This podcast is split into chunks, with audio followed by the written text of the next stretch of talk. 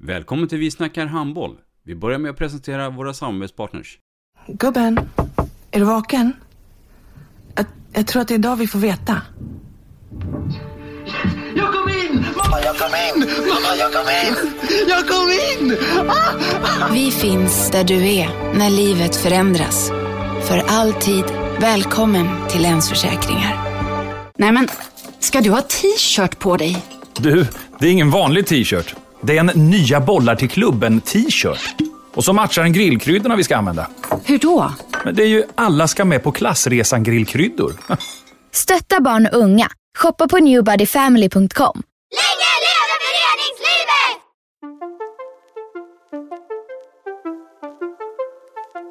Välkommen säger vi till dig som lyssnar till den nya handbollspodden Vi snackar handboll med Robban Z och Dagge.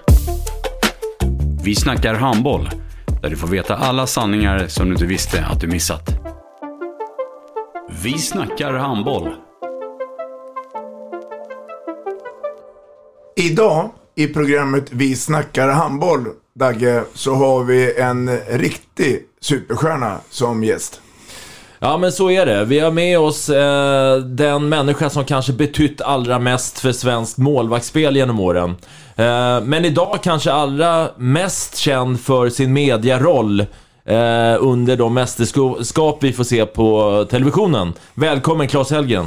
Ja, stort tack. Eh, jag skulle vilja faktiskt säga eh, väldigt ödmjukt att det är ju inte sant det du säger, men samtidigt kan vi säga att jag har ju haft otroligt mycket att tacka för eh, när vi på Svenska Handbollförbundet startade med Lasse Karlsson som var landslagsmålvakt, möjligheten att utveckla målvakter. Och det var en, en liten eh, grej som han gjorde men som blev väldigt, väldigt eh, värdefull för oss målvakter. Och Lasse Karlsson var ju eh, inspiratören till alltihopa. Han var väldigt, väldigt klok och är väldigt klok fortfarande. Och eh, eh hade jag inte varit eh, handbollsspelare så hade jag velat vara som handläkare. Claes Göran Wilhelm Hellgren, född 27 februari 1955 i Norrköping. Ja, Vem är det? Ja, alltså jag kommer ju från en idrottsfamilj. Eh, Min mamma var idrottslärare och min pappa var eh, väldigt duktig simmare. Och eh, spelade i en klubb, eller simmade i en klubb som heter Hellas.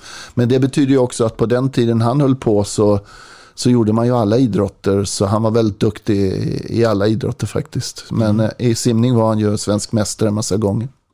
Jag minns ju ett tidigt reportage, möjligtvis från Svenska Dagbladet, som mina föräldrar eh, prenumererade på. Att jag läste någon, att du var väldigt multiidrott, en multiidrottare egentligen. Du seglade och du spelade racketsporter och du blev landslagsman i handboll. Eh, berätta lite om eh, de här tidiga åren. Ja, alltså den eh, första delen som, som du har, det är om man har en mor som är idrottslärare så är det klart att man har chansen att få komma ner till idrottshallen och köra lite extra. Det var ju det var rena julafton att få komma till de salarna när det var lördag, söndag och, och göra allting. Det, det var ju allt från att hoppa höjder till att skjuta basketskott eller eh, att hänga ringarna och, och göra de sakerna. Men vi bodde också i Norrköping och vi bodde nära en lift eh, på Vrinnevibacken där och den liften skötte vi så att skidåkning var det ju på vintern och fotboll var ju den stora idrotten egentligen därför att eh, i Norrköping är ju fotboll och IFK störst. Jag spelade väldigt mycket fotboll innan jag flyttade till Västerås då i, i IK Sleipner och, och sen blev jag faktiskt värvad precis som jag skulle flytta till, till IFK Norrköping som hette Snoka på den tiden då. Och, eh, det var ju väldigt tråkigt tyckte jag själv, men eh, eh lite handboll var det ändå redan i, i Norrköping. Eh, de hade skollagsturnering och vi kommer ihåg från, ni har säkert pratat med Abbe från Sävehof. De var ju, har ju haft väldigt mycket med skolor och så. Det fanns en skolturnering för fem år och det var första gången som eh, jag fick eh, känna på handboll och, och jag som aldrig hade gått över halva, halva linjen, höll på att säga fotboll, det vill säga var en offensiv spelare, hamnade i mål och eh, min, min klass vi vann och, och jag blev utsedd till någon som hette mest lovande spelare liksom och, och fick ett par härliga Puma-skor liksom och, och det var ju roligt men handboll hade jag aldrig trott skulle bli min idrott. Mm. Allting började 1972 eh, när det gäller eh, Ja, eller... Jag, jag tänker på framförallt eh, Ystad HF.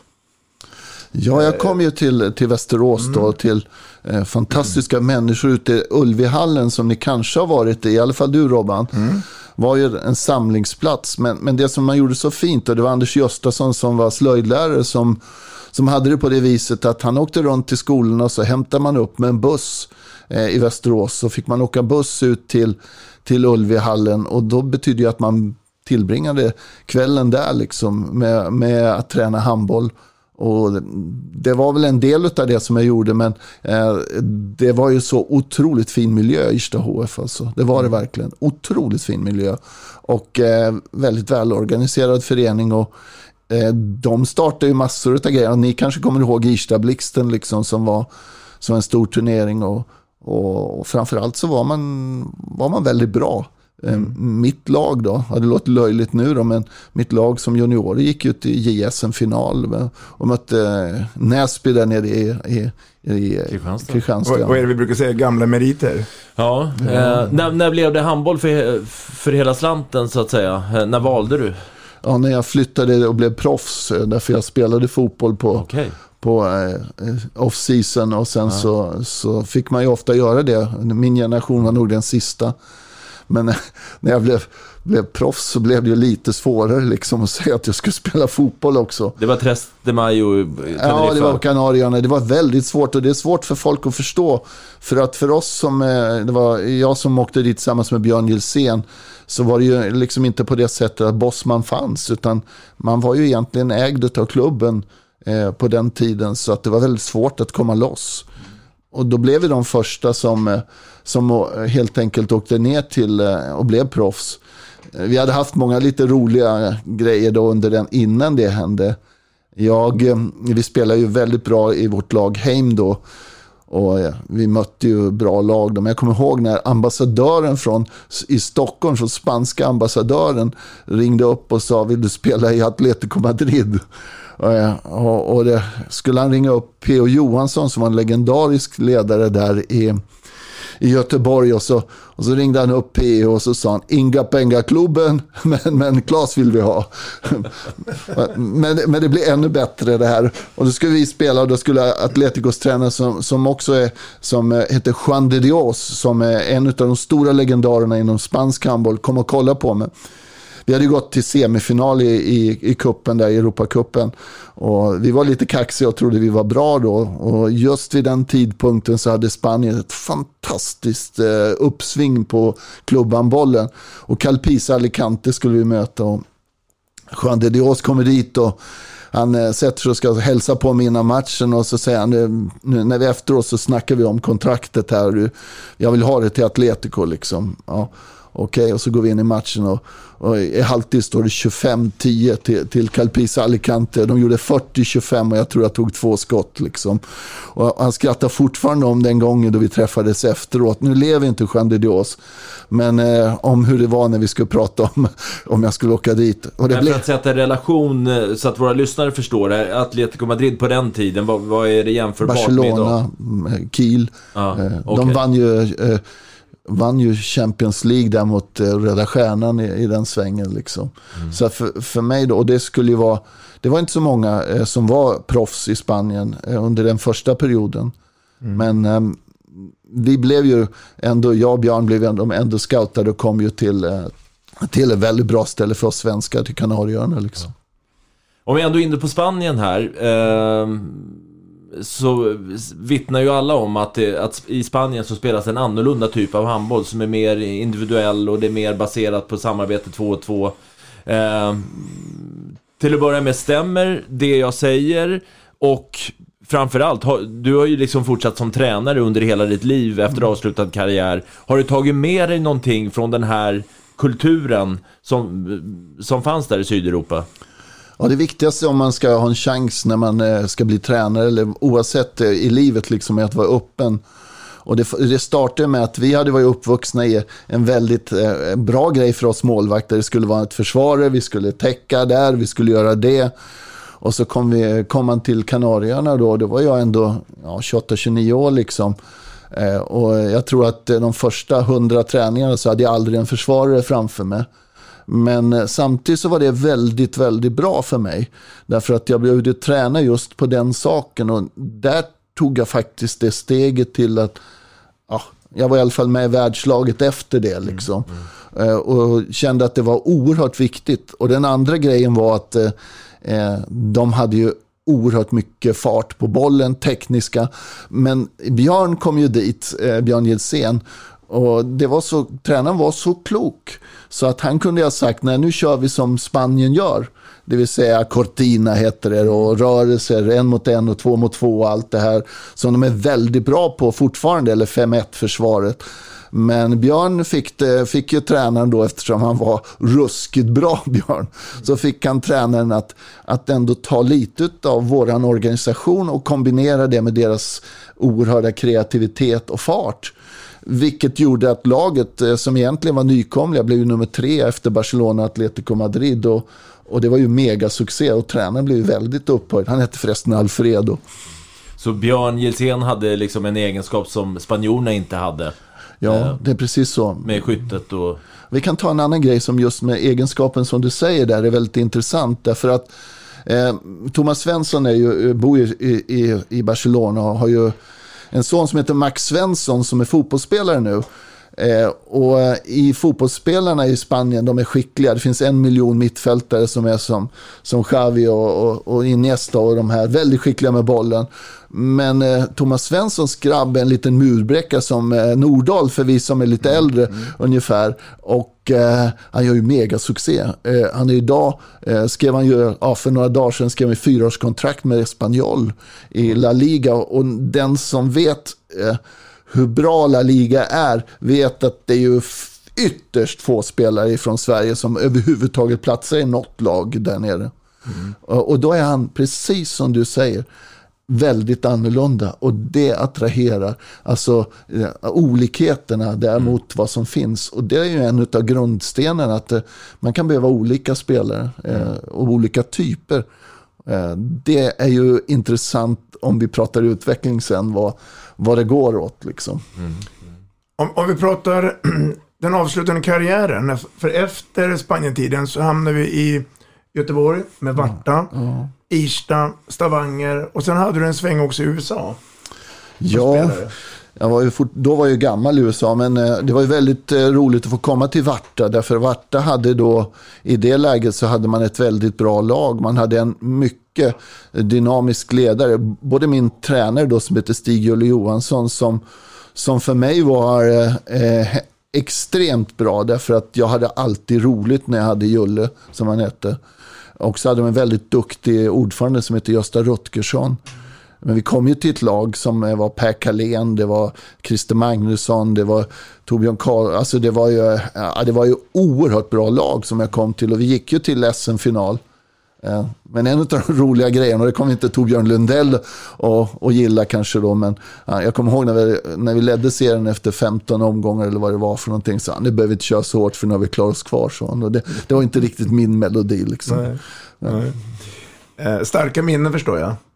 Ja, det var oerhört fint. Sen var ju det väldigt kul att eh, få komma till sin moderklubb och eh, på det sättet vara med om att egentligen var jag ju spelande tränare och det var ju ett helvete. Mm. Eh, för att, vad ska jag säga, när jag släpper in bollen liksom. Eh, eh, men det var väldigt roligt därför att från att, att träna ett lag som låg på, på en dos av tre, fyra gånger i veckan så så fick jag med mig de här killarna på att den filosofin som jag fortfarande står för ger åtminstone chansen att träna hårt. Och, eh, att få spelare som inte hade en speciellt mycket betalt att komma och träna halv sju på morgonen och träna innan de skulle till skolan eller jobbet och att träna 10-12 pass i veckan och att gå från att vara ett bottenlag i division 1 till att ta sig till SM-final, vilket laget gjorde eh, var ju egentligen det mest stimulerande man kan ha som tränare. Det är ju en sak om ni får Kiel eller Barcelona, för då vinner du 90% av matcherna eller ännu mer om man är Barcelona. Men att få några att bli bättre och när man träffar de killarna nu så, så säger de, fattar ni hur dumma vi är? Ja, men de tror inte att vi var kloka liksom. Mm. De tränade enormt bra de här killarna. Enormt Men bra. ni måste ha varit nästan ensamma om att träna så mycket Ja. på den tiden. På den tiden var det. Ja. Det första steget när man vill bli bra, det är att börja träna. Sen måste man ju träna rätt saker. Men först måste man sätta igång och, och, och lyfta det hela. Det är ju lätt att sitta och snacka om att man ska köra det här och det här. Men Eh, in i skiten och sen får vi börja prata sen liksom om, om det som är så lätt att starta med. Liksom, att nu ska vi göra det här och köra de grejerna. Men först måste man ha en bas man står på. Det finns tyvärr Även om alla skulle vilja, det finns ingen genväg. Men jag har ju haft många nu som är helt otroliga. Vi kan ta en tjej som heter Rebecca Nilsson. Som eh, är från Skuru då liksom och nu är hon proffs. Eh, Jag hade ett, ett läger med, med Bella Guldén och, och Martina Törn. Och då Guldén kom hem och bodde hos mig och tränade hos mig då. Eh, Och så bjöd jag in Rebecca Nilsson till att vara med. För jag tyckte om när hon kom flygande som en liten målvakt. Och eh, när vi började träna där så visade sig hon att hon hade en otroligt driv. Eh, och framförallt hade hon en chans att visa att, att jag är inte mer än 1,70 men man kan bli ruskigt bra ändå. Och, för mig är det viktigt, liksom, det där drivet. Eh, för att inte tala om vilket driv Bella Guldén hade och förresten Martina Törn med. Men, men Bella Guldéns driv att ta fritiden till att träna då gjorde ju att hon ja, hon tog sig ifrån att vara väldigt, väldigt bra till att, att göra 15 eller 16 mål i Champions League. Och för mig är det nog den största prestation någon eh, eh, handbollsspelare har gjort genom tiderna. Ska vi runda av den aktiva karriären Okej. med att vi drar på den blågula landslagströjan. Ja. Du har spelat 214 landskamper. Du har spelat sedan 76 till 88. Då Dagge 76, då började jag med handboll. Eh, Då var jag 12 år. Eh, Du har spelat två OS. Ja, det var ju på det viset, om vi tar det så fanns ju inte EM till exempel. Så det var ganska långt mellan mästerskapen, men det var ju oerhört eh, roligt. Jag var ju med redan 1974 egentligen och bara fick eh, lära mig liksom och, och hänga med. Då var, det, då var det Roland Mattsson som förbundskapten. Eh, och sen blev eh, Bertil Andersén och Danne Lindqvist som var väldigt duktiga. Så jag har haft en del eh, väldigt, väldigt bra tränare. Och ni kämpade och slet. Två år senare, 1990, så hände det som vi längtat så länge efter. Tjeckoslovakien, VM-guldet. Vad tänker du då? Att eh, det var helt och hållet, eh, eh, och det låter ju konstigt att säga, för jag har all respekt i världen för en av de bästa tränare vi har haft, Bengt Johansson. Men det som startade det var ju att eh, vi hade spelat VM 82, jag tror det gick ganska pinkigt, vi kom 10-11 eller någonting. Och, och det var lite kris, liksom, hur ska man göra? Eh, Det var en generationsväxling. och då ringde Roger Ragge Karlsson till mig och så sa han att jag ordnar 75 dagar eh, med landslaget eh, om ni är beredda att köra. Och, jag kommer prata med Kalén och jag kommer prata med Ilsen. Är ni beredda att göra det så, så kör vi. Eh, Du tvekar inte? Nej, jag tränar ju. Jag hade ju redan bestämt mig att alla, om det fanns någon chans så var det att vara bättre tränare än de andra målvakterna. Liksom, så att jag visste ju vad som gällde. Och, Berätta lite om den här liksom egentligen upprinnelsen och eh, vilket mästerskap var det? Björn Gilséns sista skott där. Ja, det, var ju, det började Du måste med väl ha varit med där? Ja, jag stod i vägen där eftersom jag stod i muren till och med. Eh, Det var ju på det viset att eh, vi hade egentligen ett väldigt bra lag eh, 84 eh, som var på väg riktigt uppåt. Det var ju på väg till genombrott för, för, för ett par spelare. Björn hade då fått ett mega genombrott 80 Eh, 82 där han eh, kom två eller tre i skytteligan. Carlén var ju på väg att bli väldigt, väldigt bra där också. Så att vi hade ett väldigt bra lag. Eh, vi skulle spela match om femte plats där, va, tror jag.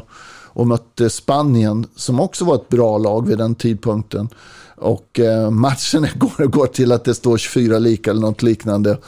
Och det blir frikast. Nu var det ju så att vi hade en ruskigt bra skytt som heter Peter Olofsson. Och, och, och det roliga med det, och det är väl lite sådär tråkigt att säga efteråt, men storyn var ju faktiskt att, att Ragge hade ju sagt Peter, Peter du tar den. Och Björn sa, fan heller, jag tar den, sa Björn. Och, och, och gick fram och så fintade han lite lågt på en som heter Puch och han eh, höll väl för kronjuvelerna där. Och så drog han den emellan eh, mellan dem och satte den och vi vann. Och därifrån så kvalade ju inte Sverige i ett mästerskap på väldigt, väldigt länge. Och, och kicken var ju där, då började det bli riktigt, riktigt bra. Vi var, Och här är Ragge förbundskapten. Ja, han var ju helt Mm. fantastisk eh, som, som, som förbundskapten. 86 så var vi också ruskigt bra lag. Eh, vi, vi, var, vi mötte Ungern. Och han hette Gurka, högernian där. Det var jag och Mats Olsson som stod i mål och det, det svider ju lite för mig. Alltså därför att eh, det var bland de sista skotten där så drog ju Gurka ett skott liksom som gjorde att istället för att gå till final då mot gamla underbara Jugoslavien med Svetkovic och, och Vujovic och, och alla de här Portner och dem så eh, spelade vi match om tredje pris istället. Men då var, vi, då var vi lag nummer två i den turneringen faktiskt. Blir, blir du rörd nu när du tänker sådär? Fan, alltså det är ungefär som jag tänker nu. Jag borde inte ha tagit den där kontringen som mitt korsband rök när, när jag bröt den. Eller att jag borde ha tagit den bollen. Det, det tycker jag. Jag tänker då lite två senare, eh, 90 i Prag. Eh, jag har för mig att Thomas Svensson är med där som tredje målvakt. Och Ja. du har ju kommit i kontakt under dina Guif-år där och närheten Västerås, Eskilstuna. Ja, ja, Bra många år tidigare egentligen med Runar och, och, och och Thomas och sådär. också. Ja, precis. Eh, här är vi ju nyfikna på liksom hur när upptäckte du den här extrema talangen och liksom vilket arbete har du lagt på Thomas? Ja, Jag lägger aldrig något arbete utan det är alltid spelaren själv som bestämmer att man... Att man du är ja, blygsam också. Nej, det är sanningen. Men i det här fallet så var det så att jag hade ju eh, eh, Thomas far, Runar, som eh, coach i Guif. Eh, och så hade jag Sigurd Bjärs som var där. Jag kommer ihåg att de bjöd mig, om du åker från, från Västerås så får du reseersättning och så får du en entrecote någon gång då och då. Så, så värvade de mig till Guif då. Och eh, vid den tidpunkten, det betyder att Thomas måste ha varit 6-7 år. Han har en brorsa som heter Håkan också där. Då Var en duktig dotter i friidrott. Ja, hon är ruskigt bra. Hon är ruskigt bra. Hon, hon, Oskar heter hon. Ja. Ja, hon är riktigt bra. Men eh, jag kommer ihåg att vi var hemma ofta hos Thomas, då, för, eller hos Runa var det då. Och då brukar vi, brukar vi köra, liksom, de satt ju mellan dörrposterna där och, och hade gjort eh, strumpor en boll liksom. Och, och då sköt ju Håkan alltid på, på Thomas och Thomas och kastade och levde om där och var ju en extremt bra talang liksom. Men med, vad jag menar med talang är inte vad ni menar, utan han ville ju otroligt mycket. Så att eh, han var ju 15 år när han debuterade i, i i ligan. Så det är klart jag kände honom. Rune var ju också rätt så klok. Han tyckte att jag behövde lyfta min... Eh, jag var ju väldigt snabb. Eh, alltså väldigt snabb. Och var ju sprinter egentligen. Men, men eh, han tyckte jag behövde lyfta min kondition. Jag kommer ihåg han, han sa nu, nu löper vi Klas. Och, och för att vi hade testen som jag egentligen inte gillade för mig. Då var ju Coopers test. Då, då sprang han med mig 57 av 60 dagar vid något som heter Vårdyrkesskolan. Liksom, för att jag skulle klara den där ja, 10.40 eller vad det var på... på Oj, 10.40 är en bra Cooper-tid. Ja, över 60 testvärde liksom. Så att, eh, jag är väldigt tacksam för att han gjorde det därför att jag fick en väldigt god bas. Och sen kunde jag jobba på, på det som jag behöver jobba på, vilket jag nu jobbar med, eh, de som är färdiga. Att få ut fart istället för det fart det handlar om, eh, vår idrott. Jag tänkte vi skulle hinna med också lite grann prata tränarrollen. Ja. För den är också bred, bredd elitverksamhet. Du har ju ett CV som heter duga. USAs damer, Irsta, U-landslaget herrar, eh, Stavanger i Norge, Irsta, USAs herrar och damer inför Atlanta-OS. Eh, Sveriges damer under perioden då 96-99 och sen avslutar vi med Guif fram till 2001. Hur ska vi veva ihop allt det här, Claes? Ja, det var egentligen, egentligen en grej som jag, jag brann ju för att göra folk bättre, men jag vet inte om jag brann för att eh, ha ett helt lag, liksom inte vara individerna som var det. Men, men eh, vid OS 88 då så var det ju redan då, då fick jag mitt första tränarjobb och, och då sa de bara, ja du ska ha hand om U-landslaget liksom. Och, och, och det var ju, eh, det är ju egentligen för stort för en spelare för att ta det direkt efter så, men jag fick ju det och jag fick ju väldigt bra lag och tyvärr så kom vi bara sjua i det UVMet. Men, men faktum är att man har några minnen där och det, en av minnena var att eh, Robert Andersson, Knirr som ni kommer ihåg, eh, var en, en av högerniorna där. Vi hade ju en väldigt bra lag. Och Det måste vara 68 när du Ja, fick och 69 då. Ja. Ja. Och då, han var ju riktigt bra. Jag kommer ihåg vi, vi mötte Spanien och han satte bollen på eh, Barofet, om ni kommer ihåg honom. Eh, han, och så gick den genom taket, alltså upp, det var i mål. Eh, eh, och det hade betytt att vi spelade VM-final.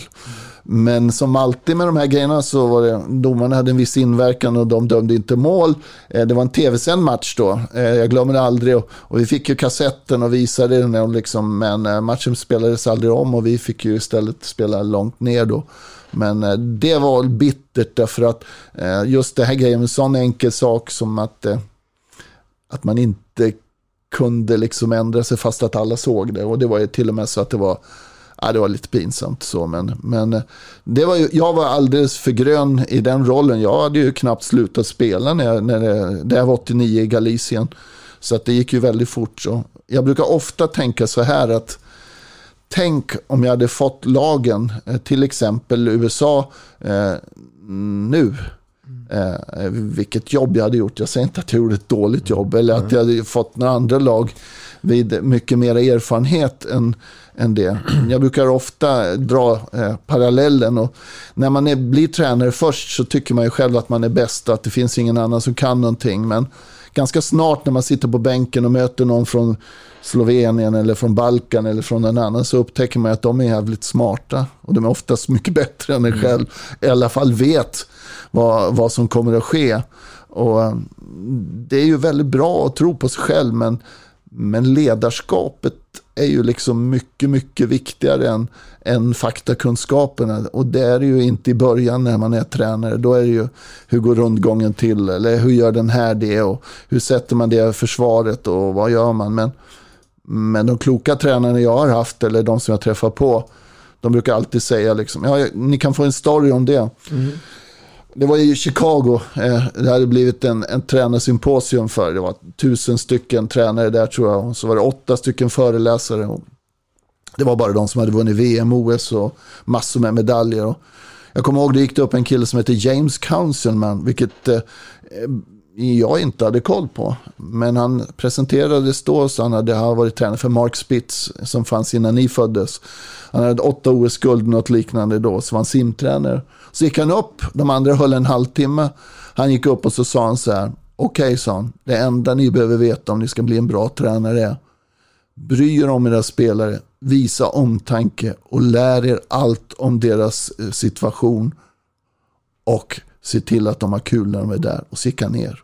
Det blev totalt tyst. Eh, och jag har ju fortfarande kvar anteckningsblocket. Eh, och det är ju min, för mig är det hela alltet liksom. Just den grejen att ska jag vara tränare så måste jag förstå att det handlar om, om människor. Och det handlar om att kunna få dem prestera allt de är. Det här som jag pratade med er redan innan, att man måste brinna för det. Man måste brinna för det. Men jag måste också ha en tränare som, som är beredd att ta tag i det. Och då är det oerhört olika individer. Det är för enkelt att säga att man gör så och så. Utan idag vet jag hur jag skulle göra. Men det är ganska bra också när man inte fattar utan kan köra bara. Och så är man ungefär som de här unga härliga tränarna som finns nu i Sverige. Jag vet allt, jag kan allt. Men, men vänta ska ni få se när ni får situationerna som, som ni måste lära. Vi ska fort, eh, prata vidare om att brinna, Claes, för att du är ju en, en, en brinnande människa, tycker jag. Eh, men jag vill stanna kvar lite vid USA och handboll. Du var ju förbundskapten för både herr och dam, jag för mig, under den perioden. Ja, det, du kan få hur det var. Det var ju så. Första gången så var det, när vi vunnit SM-guld med, med Varta, så fick jag ett erbjudande då att eh, du får köra du, får, du kan inte komma över, sa de. Eh, ja, sa jag, för jag tyckte det var ett trevligt OS 84.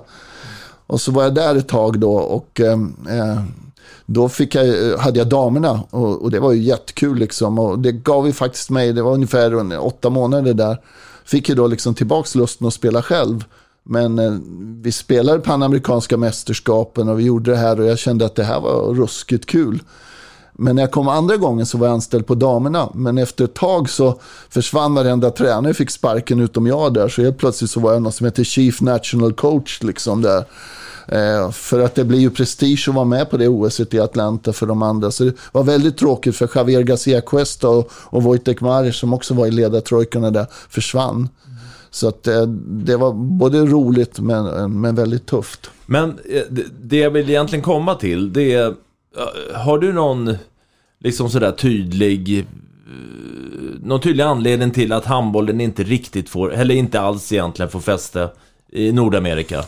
Ja, det var ju otroligt nära och jag, jag, jag tycker det är så kul när jag hör ibland, liksom, för det kommer ju alltid nya coacher efter den jag har varit där. Och alla ser ju den enorma potentialen Precis. i vad som, vad som finns. Därför att det finns enormt många bra atleter, liksom, både på tjejer och, och, och killar. Det var väldigt, väldigt nära när, vi, när det var samband med OS i Atlanta. Att man valde eh, handboll som en av idrotterna för gender equity. Det vill säga alltså att det skulle vara jämställt eh, på det sättet med antalet stipendium in till college.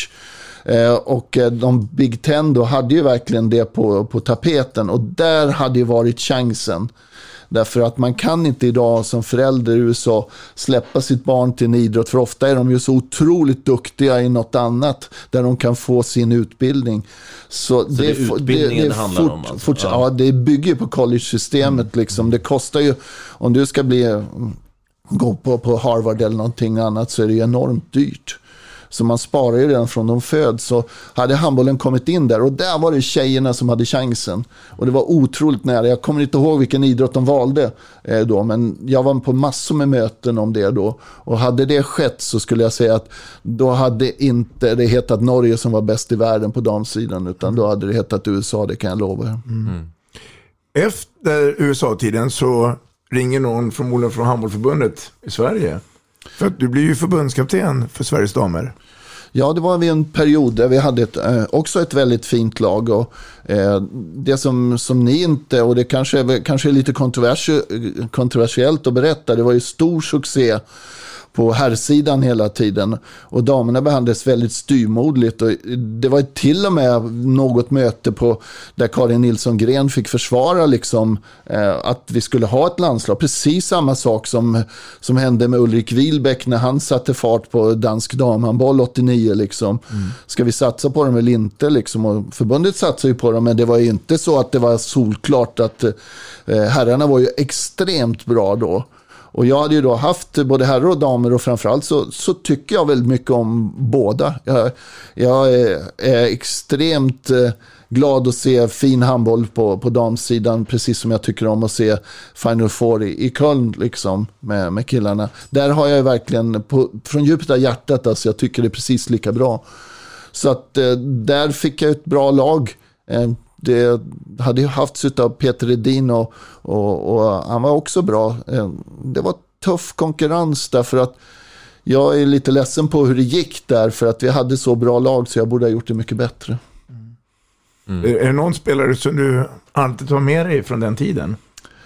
Ja, jag måste ju säga då, det var ju några som var väldigt bra. Åsa Eriksson var ju otroligt bra. Mia Hermansson, eh, fantastisk spelare. Men på slutet av sin karriär lite.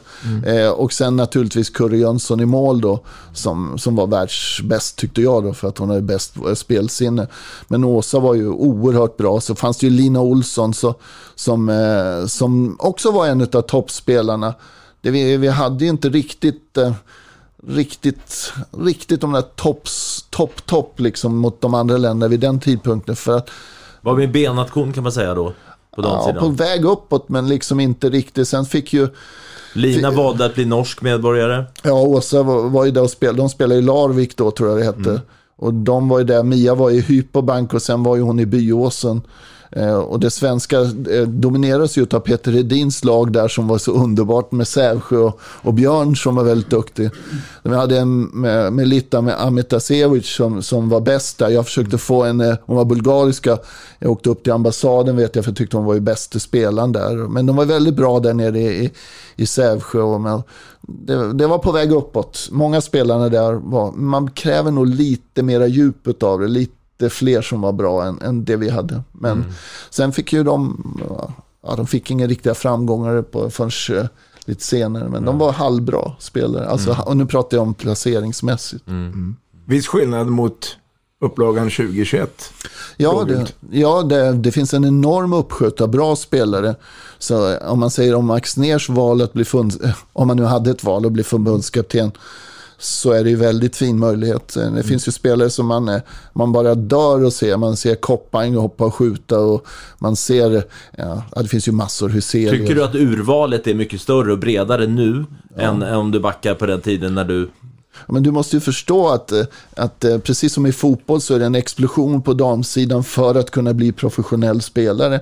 Vilket gör att de som förut jobbade stenhårt med att ha sin åtta timmars dag, sitta där och ha noll kronor i lön liksom och åka runt i Sverige mot vad, vad möjligheten är nu. Nu är ju möjligheterna enorma eh, eh, mot det var, om, om jag pratar om min egen karriär och förresten då, då Zachrisson och, och de här stack ut och, och, och, och var i Italien liksom. Och, och, ja, ni vet ju Ampan och de var ute vid den, den svängen. Men, men idag så är det ju jättemånga arbetstillfällen runt om i världen. Och jag säger det igen, att det finns ju massor med arbetstillfällen som är extremt bra löner på damsidan. Och ur, innan fotbollen tog fart nu, eh, alltså rent professionellt, så var ju handbollen den sport som man skulle kunna försörja sig riktigt bra på. Du berättade ju det lite grann om Rumänien och sådär, off the record innan kameran satt Ja, på här. Så att, dra gärna det igen här.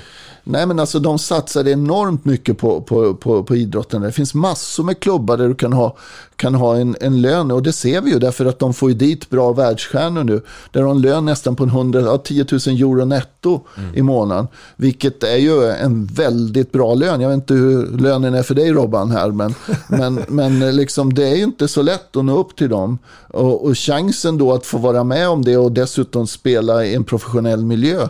Och det är ju inte bara i Rumänien, det, är ju, det finns ju Gjör, det finns ju massor med fina lag i Frankrike och framförallt eh, vårt eh, grannland i Danmark som är på väg tillbaks till det som det var eh, under tiden Anja Andersen och Anette Hoffman och, och alla de här körde, då det också var extremt bra betalt. Men idag finns det väldigt många arbetstillfällen för tjejerna. Men det har tagit lång tid egentligen.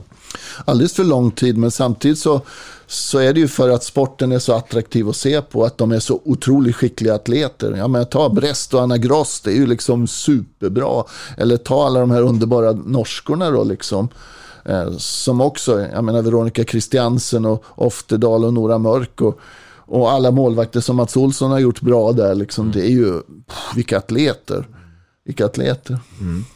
Tror du att Sverige kommer att hålla den här ställningen x antal år framöver? På damsidan, Ja, eller generellt? Ja, där kommer vi in på det som, är, som jag brinner för nu. Det är ju lätt att titta bakåt och snacka om vad man har gjort och hit och dit. Men, men man står alltid inför eh, för att försöka skapa något som är unikt. Jag kallar det för temporära monopol. Det vill säga att gör något unikt så har du en chans att vinna. I business så tjänar man pengar. I idrott så vinner man. Eh, Faran är alltid att man tror på det organisatoriska som man har gjort och man skapar utbildningar där man hela tiden, eh, hela tiden jobbar med att, att liksom man bibehåller det man har. Eh, Och det som är uppenbart, vi kan ta, jag har ju ändå haft nu en, en hel del år i fotbollen som fystränare, vilket är absurt på det sättet. Då. Men, men i alla fall är det så. Om vi tar det och tittar på hur det ser ut. Eh, Vi, tar, vi kan ta Hammarby som jag var i. Så vet man idag att det är ungefär 25 maxlöpningar på dem. Eh, Hammarby om man tittar som lag. Eh, om vi tar 90 Liv- minuter menar du? Ja, och, alltså det, är- det är ungefär två och en halv på, per spelare då liksom. Och, och i Liverpool så är det 100. Eh, och, och då kan man ju ställa sig frågan, hur bör vi göra nu om vi ska utveckla det och bli bäst? Om vi ska gå vidare för dem? Ja, för mig är det iskallt liksom. Alltså, gör du inte det här att du blir bättre på snabbhetsuthållighet och gör du inte de sakerna så har du inte en chans. Det är exakt samma sak i handboll. Det är, om, om ni hade varit och tittat på Final Four, vilket jag var nu sist i juni, och så hade ni sett Barcelona så hade ni sagt, jaha du, hur ska något svenskt lag ha en chans här? Inte en, en chans. Det är inte bara det att de är bra atleter, utan det är ett ruskigt tryck. Detta tog ju ner. Han kopierar ju egentligen det som hade varit eh, från Norge och från de som sprang. De började springa, det var Helle Thomsen som gjorde förut. Den tränaren som tror att man vinner 6 mot 6 i uppställda försvar, den kan glömma att han får några medaljer. Det handlar om att skapa ett försvar, ställa om och driva ett högt tempo och löpa som tusan. Och som Norge gjorde till exempel i EM här på herrarna, att löpa lika bra hem. Men inte bara löpa hem, utan hitta system för hur löper vi hem och var vill vi ha avslutet om vi löper hem. Vilket finns till exempel i basketen. Eller att man tittar på eh, Isabel Haak, en av mina favoritidrottare. Jag tycker hon är bäst av alla idrottare i Sverige. Att om vi får den typen eh, utav kunskap i hur man blockerar, hur man styr skotten igen, så kanske vi kommer tillbaka så att det inte blir den här typen av försvar där man mm, som målvakt inte får någon hjälp alls. I, I volleyboll ligger de långt fram i hur styr vi var avslutet ska komma. I det här fallet är det inte avslutet. Men hävdar du att att Sverige är ganska sena med just de här, den här systematiken som du är inne på med hemspring och vad vi vill avsluta. Har det tagit för lång tid? Borde Nej. vi ha sneglat på andra idrotter tidigare? Nej, men det har man ju gjort. Alltså, jag har ju träffat... För jag menar, det är ju enkelt att säga att alla vill ju springa och kontra egentligen. Det har man ju sagt sedan Hedenhös. Ja, tjena. Jag, det är inte så lätt att få folk att göra det liksom, därför det kräver ju... Nej, men det att man vill menar jag. Ja, men det första som händer när du sätter igång och göra det, det är ju det att om du aldrig har sprungit så mycket och stressat så mycket så går du sönder, du blir skadad. Alltså Mm. måste man ju starta med vilken fysisk status måste du ha för att kunna göra det här. Och det vanligaste sättet är ju då liksom att, och det vet ju ni, ni har ju varit med i handbollen. De som inte vill springa, de står ju och tar igen sig i försvaret då för att de ska Mm. orka kunna göra det här. Men idag måste man höja den kapaciteten. Och det höjer man inte med det som Runar gav mig, eh, att springa jäkligt bra eh, tre kilometer, utan det höjer man med att jobba med snabbhetsuthållighet. Och jobbar man inte med det så får man inte det. Men Barcelonas sätt att, att spela då som, som var, eller för den delen Kielce när de spelar med Duce Dutjebajev, Blanche och Jan och Sindrich när de spelar bort dem, de stora 2.15-gubbarna eh, där liksom på fart istället. Det är ju ett sätt att, att ha en filosofi för hur man vill. Varför Sävehof var ju väldigt bra i, på här sidan nu liksom. Det var ju för att de var ruskigt bra omställning. Kristianstads bra period var ju när de sprang. När Olaf Gudmundsson kom i andra fasen och dunkade dit dem och de sprang. Men det är lätt att hamna i rundgång, juggerulle och lite olika varianter. Och, och så, det är ju ingen rocket science att lära sig, fast tränarna tycker det. I Säder har jag fått lära mig att det heter numera Ja, istället ja, ja. jugge. Ja, jo, jo, men alltså det är inte det. Sen måste du utveckla den individuella skickligheten, men att du måste springa. Det, jag Jag vill stanna kvar lite på det här Ja, med ja. de här 25 maxlöpningarna Ja. i, i Hammarby kontra i, i Manchester City så är det 100. Ja, det var Liverpool i och för sig, men det kvittar. Ja, Liverpool. Ja. Eh, men är det så enkelt liksom? Att, att du menar att de svenska spelarna har inte kapacitet med att göra mer än 25 maxlöpningar? De är inte tillräckligt bra tränade? Nej, men om man tittar på eh, fotbollen så är det ju definitivt så liksom att man, då måste man ju lyfta nivån så att man tål att göra den.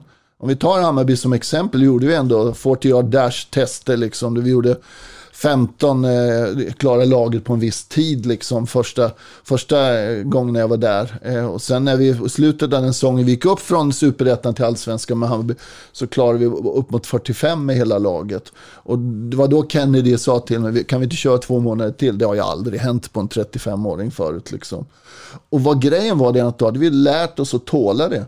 Men det är mycket, mycket lättare att säga så här att okej, nu har vi spelat match på söndagen.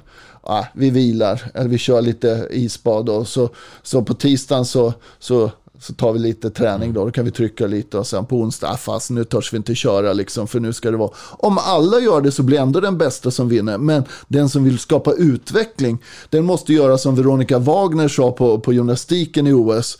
De här killarna och tjejerna som går in, de har kört ett pass på förmiddagen för att värma upp för att kunna köra sitt tävlingsprogram. Men, sa hon, de var fyra år när de startade med det här. De tål det.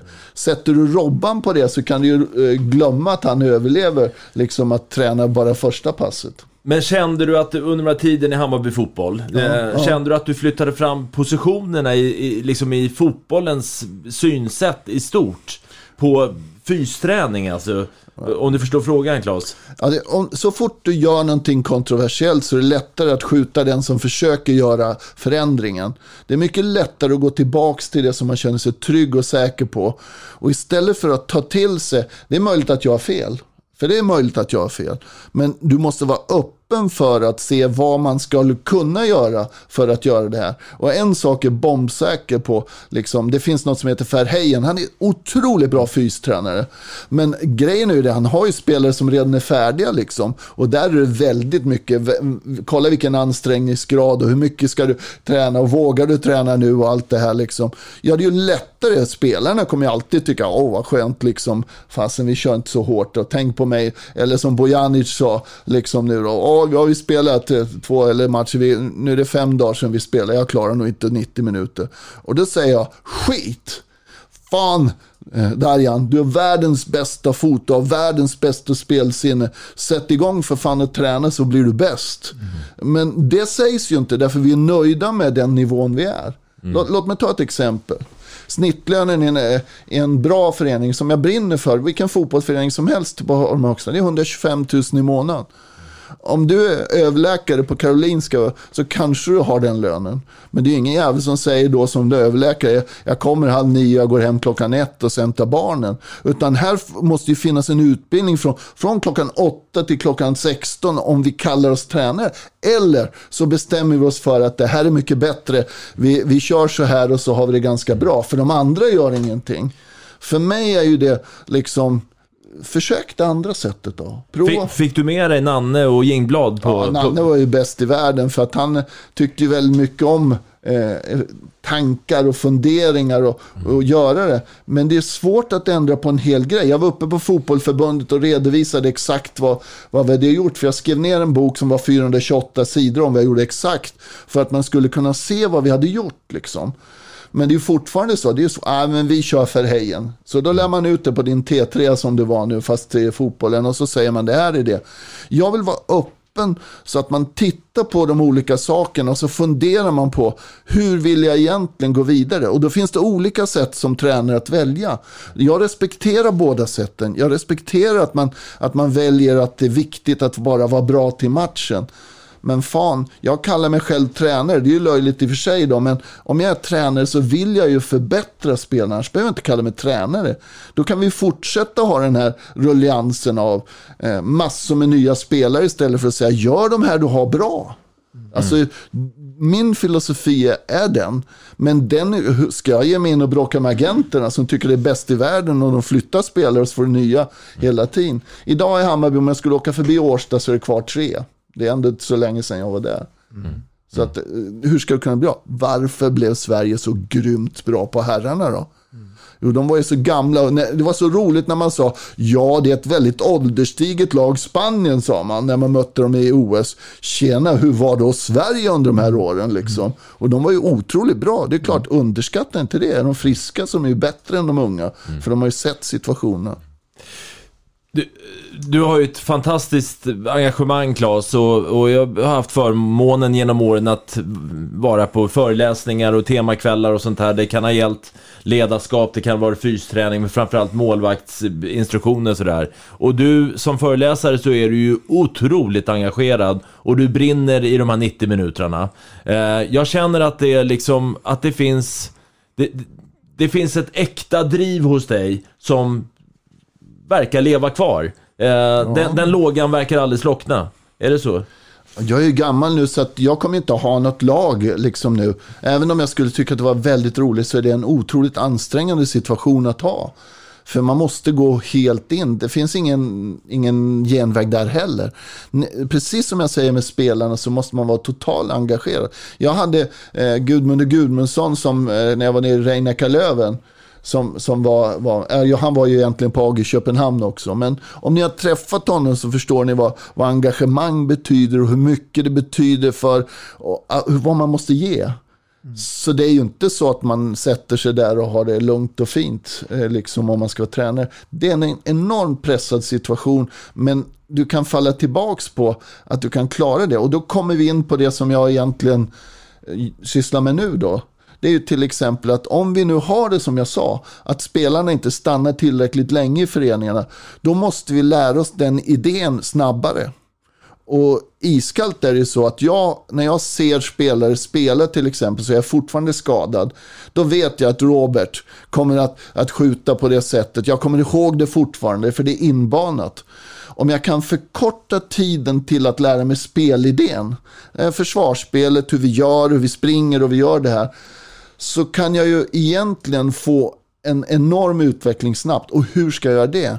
Idag har jag engagerat Hitachis eh, bästa hjärnor, ABBs bästa hjärnor, Lunds bästa hjärnor och ah, Halmstad högskolas bästa hjärnor på att skapa vad man kallar för Players Lab och de som jobbar med, med e-sport för att vi ska försöka att när de inte tränar, det vill säga det här som jag pratade om hela arbetsdagen, sitter två timmar och lär sig spelmönstret, ungefär som man lär sig Fifa när man spelar Fifa, fast att du är inne i systemet. Jag får alltså valmöjligheterna som mittnia och så får du välja och så får du träna på dem, precis som jag får valmöjligheterna som målvakt att lära dig. Då kan jag förkorta tiden, för då kan vi köra tre timmar per dag om du vill.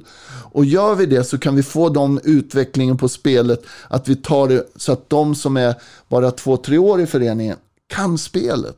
För handboll är ett intelligent spel. Det, många tycker att man ska vara stark och snabb och allt det här. Men det gäller ju liksom att vara Magnus Andersson eh, eller vara Bella Guldén eller de här. Och, och, och så veta, gör jag så så går de på det här. Har du sett situationen har du mycket större chans att göra det.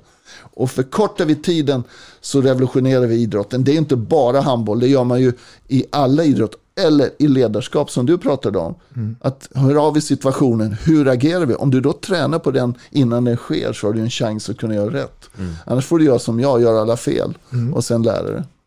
Klas, eh, handboll i vårt hjärta. Eh, du är ju idrottslärare i grund och botten. Jag vet att du tycker om eh, matematik och biologi. Ja. Mm. Eh, men du tycker också om en annan grej. Och eh, vi har en hälsning här. Ja, okay. Lyssna, ja. så får vi se om vi kommer in i nästa ämne. Okej. Okay. Hallå Claes, William Andersson Moberg här. Vill egentligen bara säga att eh, man har ju vuxit upp med din kommentar röst under hela barndomen och eh, måste säga att det har varit ett fantastiskt eh, ställe att se på handboll när man får höra dig förklara hur man spelar och gröna zoner för målvakter och så vidare. Har även en fråga. Och det är vem som har haft blötast handled i svenska landslaget någonsin. Ja, det är bra. Hej. Ja. Ja, det är roligt att han eh, gör, säger så, för väldigt kul. Eh, dessutom är det så att han har en farsa som är målvakt, så det, det, är ju ännu bättre. Liksom. Men Eh, den första gången man träffar på det här, som, och det låter ju löjligt om den avslappnade handleden då, eller blöta handleden. Men vi var väldigt eh, besatta av att kunna bli starkare på, på bänkpressen, kunna skjuta hårdare. Men när man träffar juggarna då, speciellt då på Jugoslavian Trophy, så var det ju sådana här tränarsymposium alltid runt de här. Så jobbade de ju med, med handleden. Och har man någon gång spelat racketidrotterna så kan du försöka slå hårt utan att ha en avslappnad handled eller få en serve eller en smash i badminton eller för den delen i pingis eller vilken idrott. Så det hittar ju juggarna. Mm. Och de var ju ruskigt, ruskigt eh, bra på det. Första gången man träffade på Vujovic så var det ju liksom, oj då, gick det att göra så här?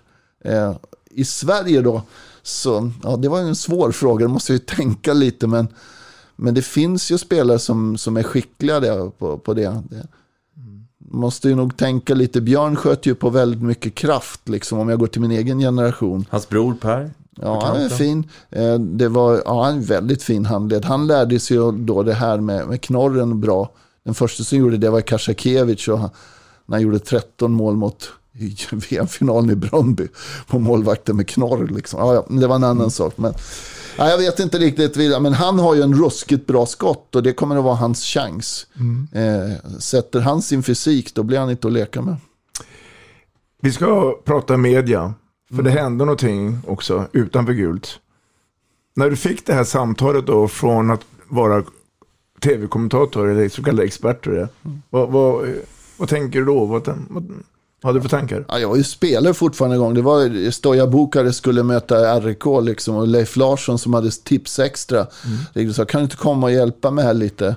Jo då, så åkte vi till Frölunda-Borg och det var första gången, 1984. Mm. Jag tänkte inte alls på det på det sättet. eh, Men när det väl blev att jag skulle kommentera så bestämde jag mig väldigt tidigt för något som, är, som kanske är kontroversiellt. Då, men att ha respekt för, för jag vet hur svårt det är att vara där. Och ha respekt för motståndarna ibland om de vann över Sverige. Att ha respekt för eh, att det, det handlar inte ett skit om mig utan det handlar om spelarna. Det handlar om spelarna, liksom att förmedla den kärlek till idrotten man har. Men det är en annan sak. Men att förmedla att om vi förlorar mot, mot ja det kan ju vara Ryssland under den perioden när Sverige var jäkligt bra på, på här sidan liksom, så, så kunde det bero på att Tutjkin var ruskigt bra. Eller att eh, Kudinov gick upp och drog den. Eller, eller för den delen att, att Gopin var väldigt bra. Eller din kompis i målet. Ja, Lavrov var bra liksom. Men, men vad, man, vad man inte eh, ska göra tycker jag då, det är liksom att bli att det är bara så att man förlorar för att man inte själv var bra. Utan det kan ju faktiskt vara så att motståndaren är ruskigt bra. Mm. Och det, det blir ungefär en miljon mejl om hur dum i huvudet man är när man inte säger att Sverige är kass. Liksom. Och, och, det kan man väl ta då. Men jag tar det därför att jag vet att eh, de har gjort allt. Och de har försökt göra sitt bästa, de som går ut där. Och de har mött några som är bättre. De är, de är bra de andra också. Att tro att eh, man själv är den enda som fattar något, det är ju bara, det är det dummaste man kan göra. Eh, man får gärna ha självförtroende, men att tro på att, att man är något, det är man inte. Jag är i alla fall ingenting när det gäller just det där med att, att vara kommentator. Det är inget yrke, det är ingenting, utan det är bara ett sätt att förmedla en sport man tycker om. Om man, har man den inställningen så kan man i alla fall gå därifrån och säga, ja, jag gillar det här. Jag gillar det, men jag gillar också när när till exempel Mikkel Hansen är bra även om man möter Sverige eller någonting. Kan det vara så att när, när man, eh, jag menar du och Robban Perskog har ju blivit nästan en institution och ni, ni, har ju blivit folkliga genom åren genom att, eh, framförallt ditt sätt att förmedla handboll. Eh, kan det vara så att man agerar olika beroende på vilket forum man Alltså vilken egentligen tv-kanal? Hur, hur, hur, stor är lyssnarskaran? Är det bara handbolls eh, redan invigna handbollsidioter eller är det på TV4 där det kanske sitter en miljon och lyssnar som aldrig, som bara tittar på handboll när det är OS? Och att man agerar olika utifrån vilket forum man är på. Ja, det är klart det är så, men samtidigt ska vi också ha klart för sig, du har ju varit på tränarkurs, är det det vi har när vi ska visa upp vårt landslag? Eller, eller ska vi visa upp så att folk förstår vilka de är och, och vad de gör och de stora dragen? Jag tror att jag kan ganska hyggligt handboll liksom. Och det är klart att jag kan ha tränarkurs 1A eh, i, i förmedlandet och få väldigt mycket beröm för vad jag kan men jag skiter i berömmet därför att jag vill ju att man ska tycka om idrotten. Och om vi, du säger en miljon, vi hade ju 3,1 miljoner till exempel när vi förlorade mot, mot Frankrike 2001. Ja men det, det är lite det jag menar Claes, när du har 3 miljoner tittare, ja. då vill ju du förmodligen sprida budskapet. Ja, men hade du suttit i Viasats eh, studio som kanske bara har liksom de redan invigda Eh, kan man grotta ner sig då mer i, i gurkburkar och, och rundgångar? Ja, men vi har ju, har ju några som är fantastiska. Jag tycker det finns jättemånga bra som jobbar med det. Ja, vi, vi, kan ta nu under OS, alltså, han är ju helt underbar Per Johansson. Eh, för att eh, man får lära sig. Jag tycker jag lär mig massor. Mm. Men det är ju inte säkert att att eh, man skapar att eh, de som är runt omkring tycker att det är alltid bra. Liksom. Och det är svår, han har ju lika svår balansgång han. Med den, nu jobbar jag med honom till exempel. Jag, vi jobbar ju tillsammans. Med, de skulle ju möta Montenegro, skulle ju möta Norge. Då gjorde jag analysen för för målvakterna för Norge, mot Norge. Då liksom. Så vi känner varandra jättebra. Jag tycker han är otroligt bra. Men vi måste ju också se det på vad är det för något som vi vill göra med den tv-tid vi får. Det är klart att när TV4 sänder nu de här matcherna i elitserien så är det ju en helt annan nivå på det. Det, är ju inte, det sätter sig ju inte massor att titta på det. Precis. Men det är ju mycket, mycket lättare att falla tillbaka för den som kommenterar på att prata om, om de här sakerna än att faktiskt titta på bilden och, för, och förmedla vad som, vad som är någonting. Liksom. Och jag tycker att det är svårt. Eh. Balansgången är svår, men mitt val är, du måste tänka på, eh, vill vi sprida idrotten eller vill vi tala om att vi är bra själva? Om vi leker med tanken att eh, det är förmiddag nu. Eh, det är VM-final ikväll. Eh, berätta för oss hur, hur en dag på jobbet fungerar. Ja, alltså idag vet man ju mycket mer om alla lagen än vad man var tränare. Liksom, för man har ju både damer och herrar och Europacuper och allting. Så det finns ju en otrolig faktadel. Men förut, om vi går tillbaks i den, så var ju den mycket, mycket mera mina kontakter med folk. Jag kunde ju ringa till dem som jag har spelat med eller som jag känner. Jag känner ju enormt mycket människor som nu framförallt är tränare. Liksom.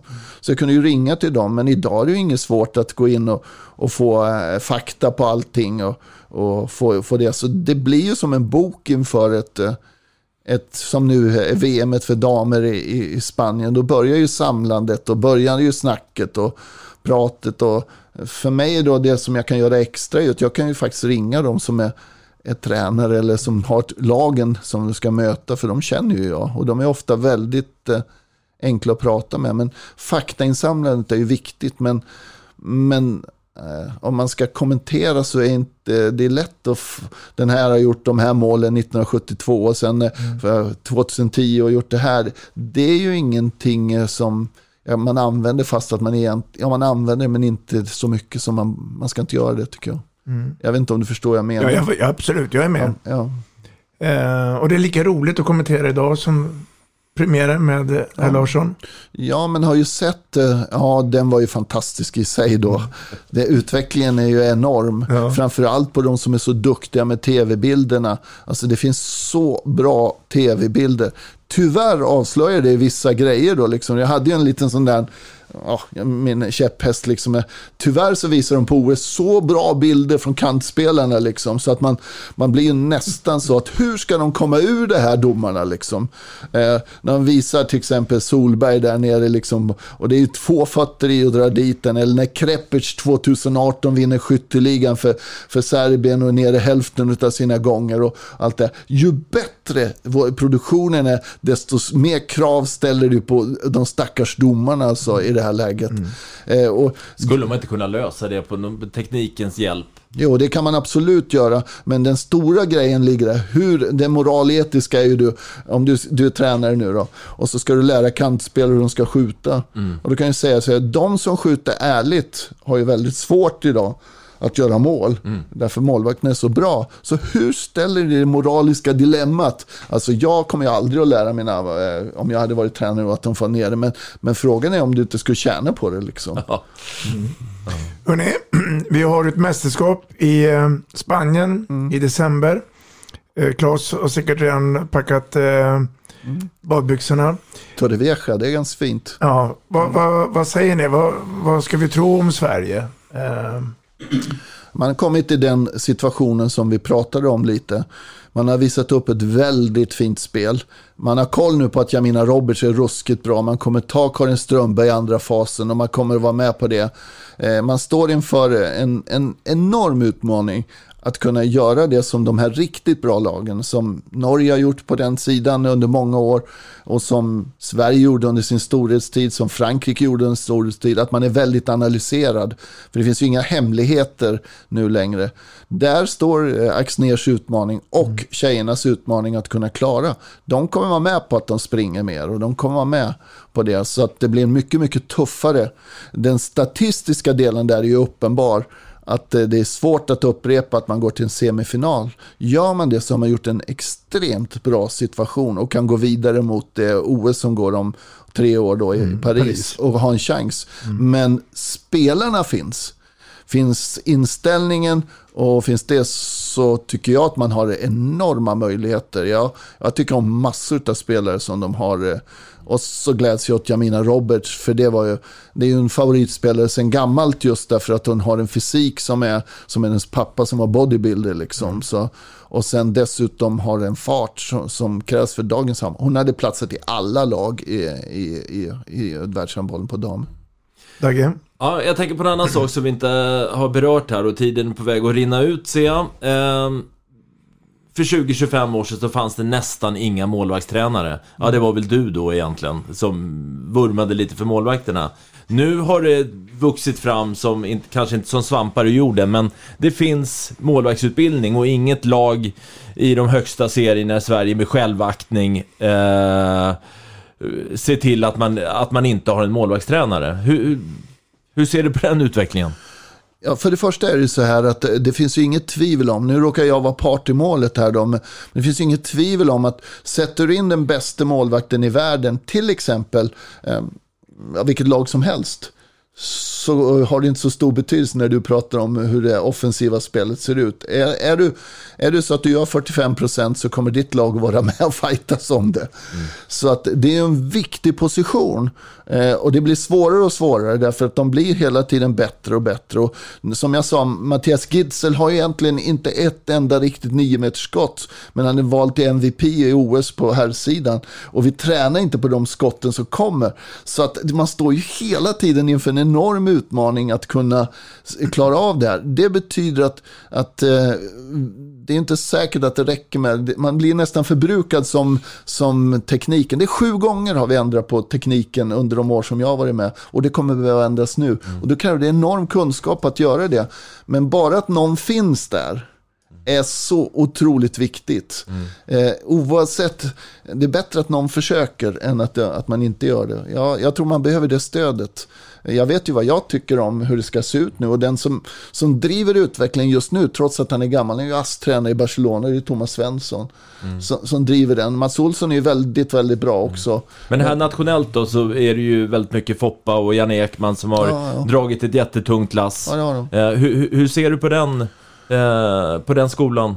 Ja, det är klart de att ja, Janne gör ju inte så mycket nu då, liksom, men, men Foppa gör ju väldigt mycket. Och han, är, han är ju eh, väldigt skicklig på att göra analyser och göra det här. Han ligger jättefram, långt fram liksom, på de här tankarna och funderar. Det som kommer att vara mycket, mycket viktigare är ju att tända lågan på dem att vilja göra det. För att det har ingen betydelse vad man har för tränare. Det handlar ju om att eh, när de är färdiga så är de bättre än vad jag var. Eh, och det var ju så när jag gjorde det. Mats Olsson blev ju bättre, han kunde ju mer och sen förde vi över det till Thomas Svensson och sen har vi fört det till Gensel och så för vi vidare. Sen stoppade det i och för sig lite ett tag där, men nu är det deras uppgift, de som håller på med det här, att eh, som målvakter aktiva föra det vidare. Och nu gör man ju det med, med Forsberg och hjälper ju jättemycket till, men Thomas Svensson håller också på med det nu och kommer att göra en investering. Vi har inte så många som är färdiga att gå in och vara bakom Palicka och Appelgren egentligen. Liksom. så att det kommer krävas. Och jag vet att ni inte har tid nu, men, men själva grejen är ju bara att ta exemplet hur man gjorde i Danmark. När man bestämde sig för att vi ska göra något åt det här. Ni har för många bra målvakter i Sverige. Och det var ju Ulrik som sa, här har du alla resurser i världen, gör något. Vi har Kasper Witt, han är en världsmålvakt. Och sen har vi Peter Henriksson, ni har åtta eller nio målvakter som är bättre. Se nu för fan till att få några målvakter, vad man sa till mig. Du får allt, sa han. Och det gjorde vi. Claes Hellgren. Det har varit en ära ha, ha det här. Vi befinner oss på Mediagymnasiet i Nackastrand. Jag och eh, Dagge är eh, oerhört glada att du eh, ville komma hit. Ja, det känns som att det här samtalet hade kunnat pågått i någon timma till faktiskt. Men tack för den här timmen Claes. Ja, ni ska ha tack för det handlar ju om att föra fram idrotten, inte mig, utan, och inte er heller för den delen om man nu får säga det, utan det handlar ju om att, att få förståelse för att tända en liten, liten gnista för att någon vågar, vågar kanske gå lite utanför för den trygghetszon som finns. Och har vi gjort det så kanske vi kan få flertalet eh, och nya att våga och då kan vi skapa nya framgångar för Sverige.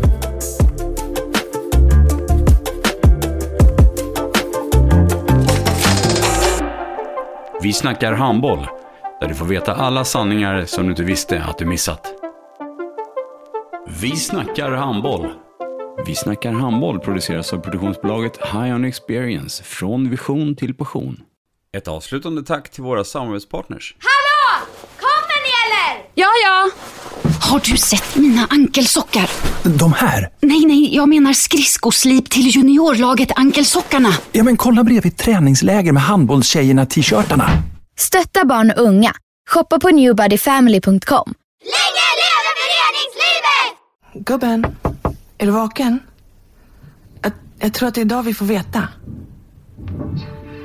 Jag kom in! Mamma, jag kom in! Mamma, jag kom in!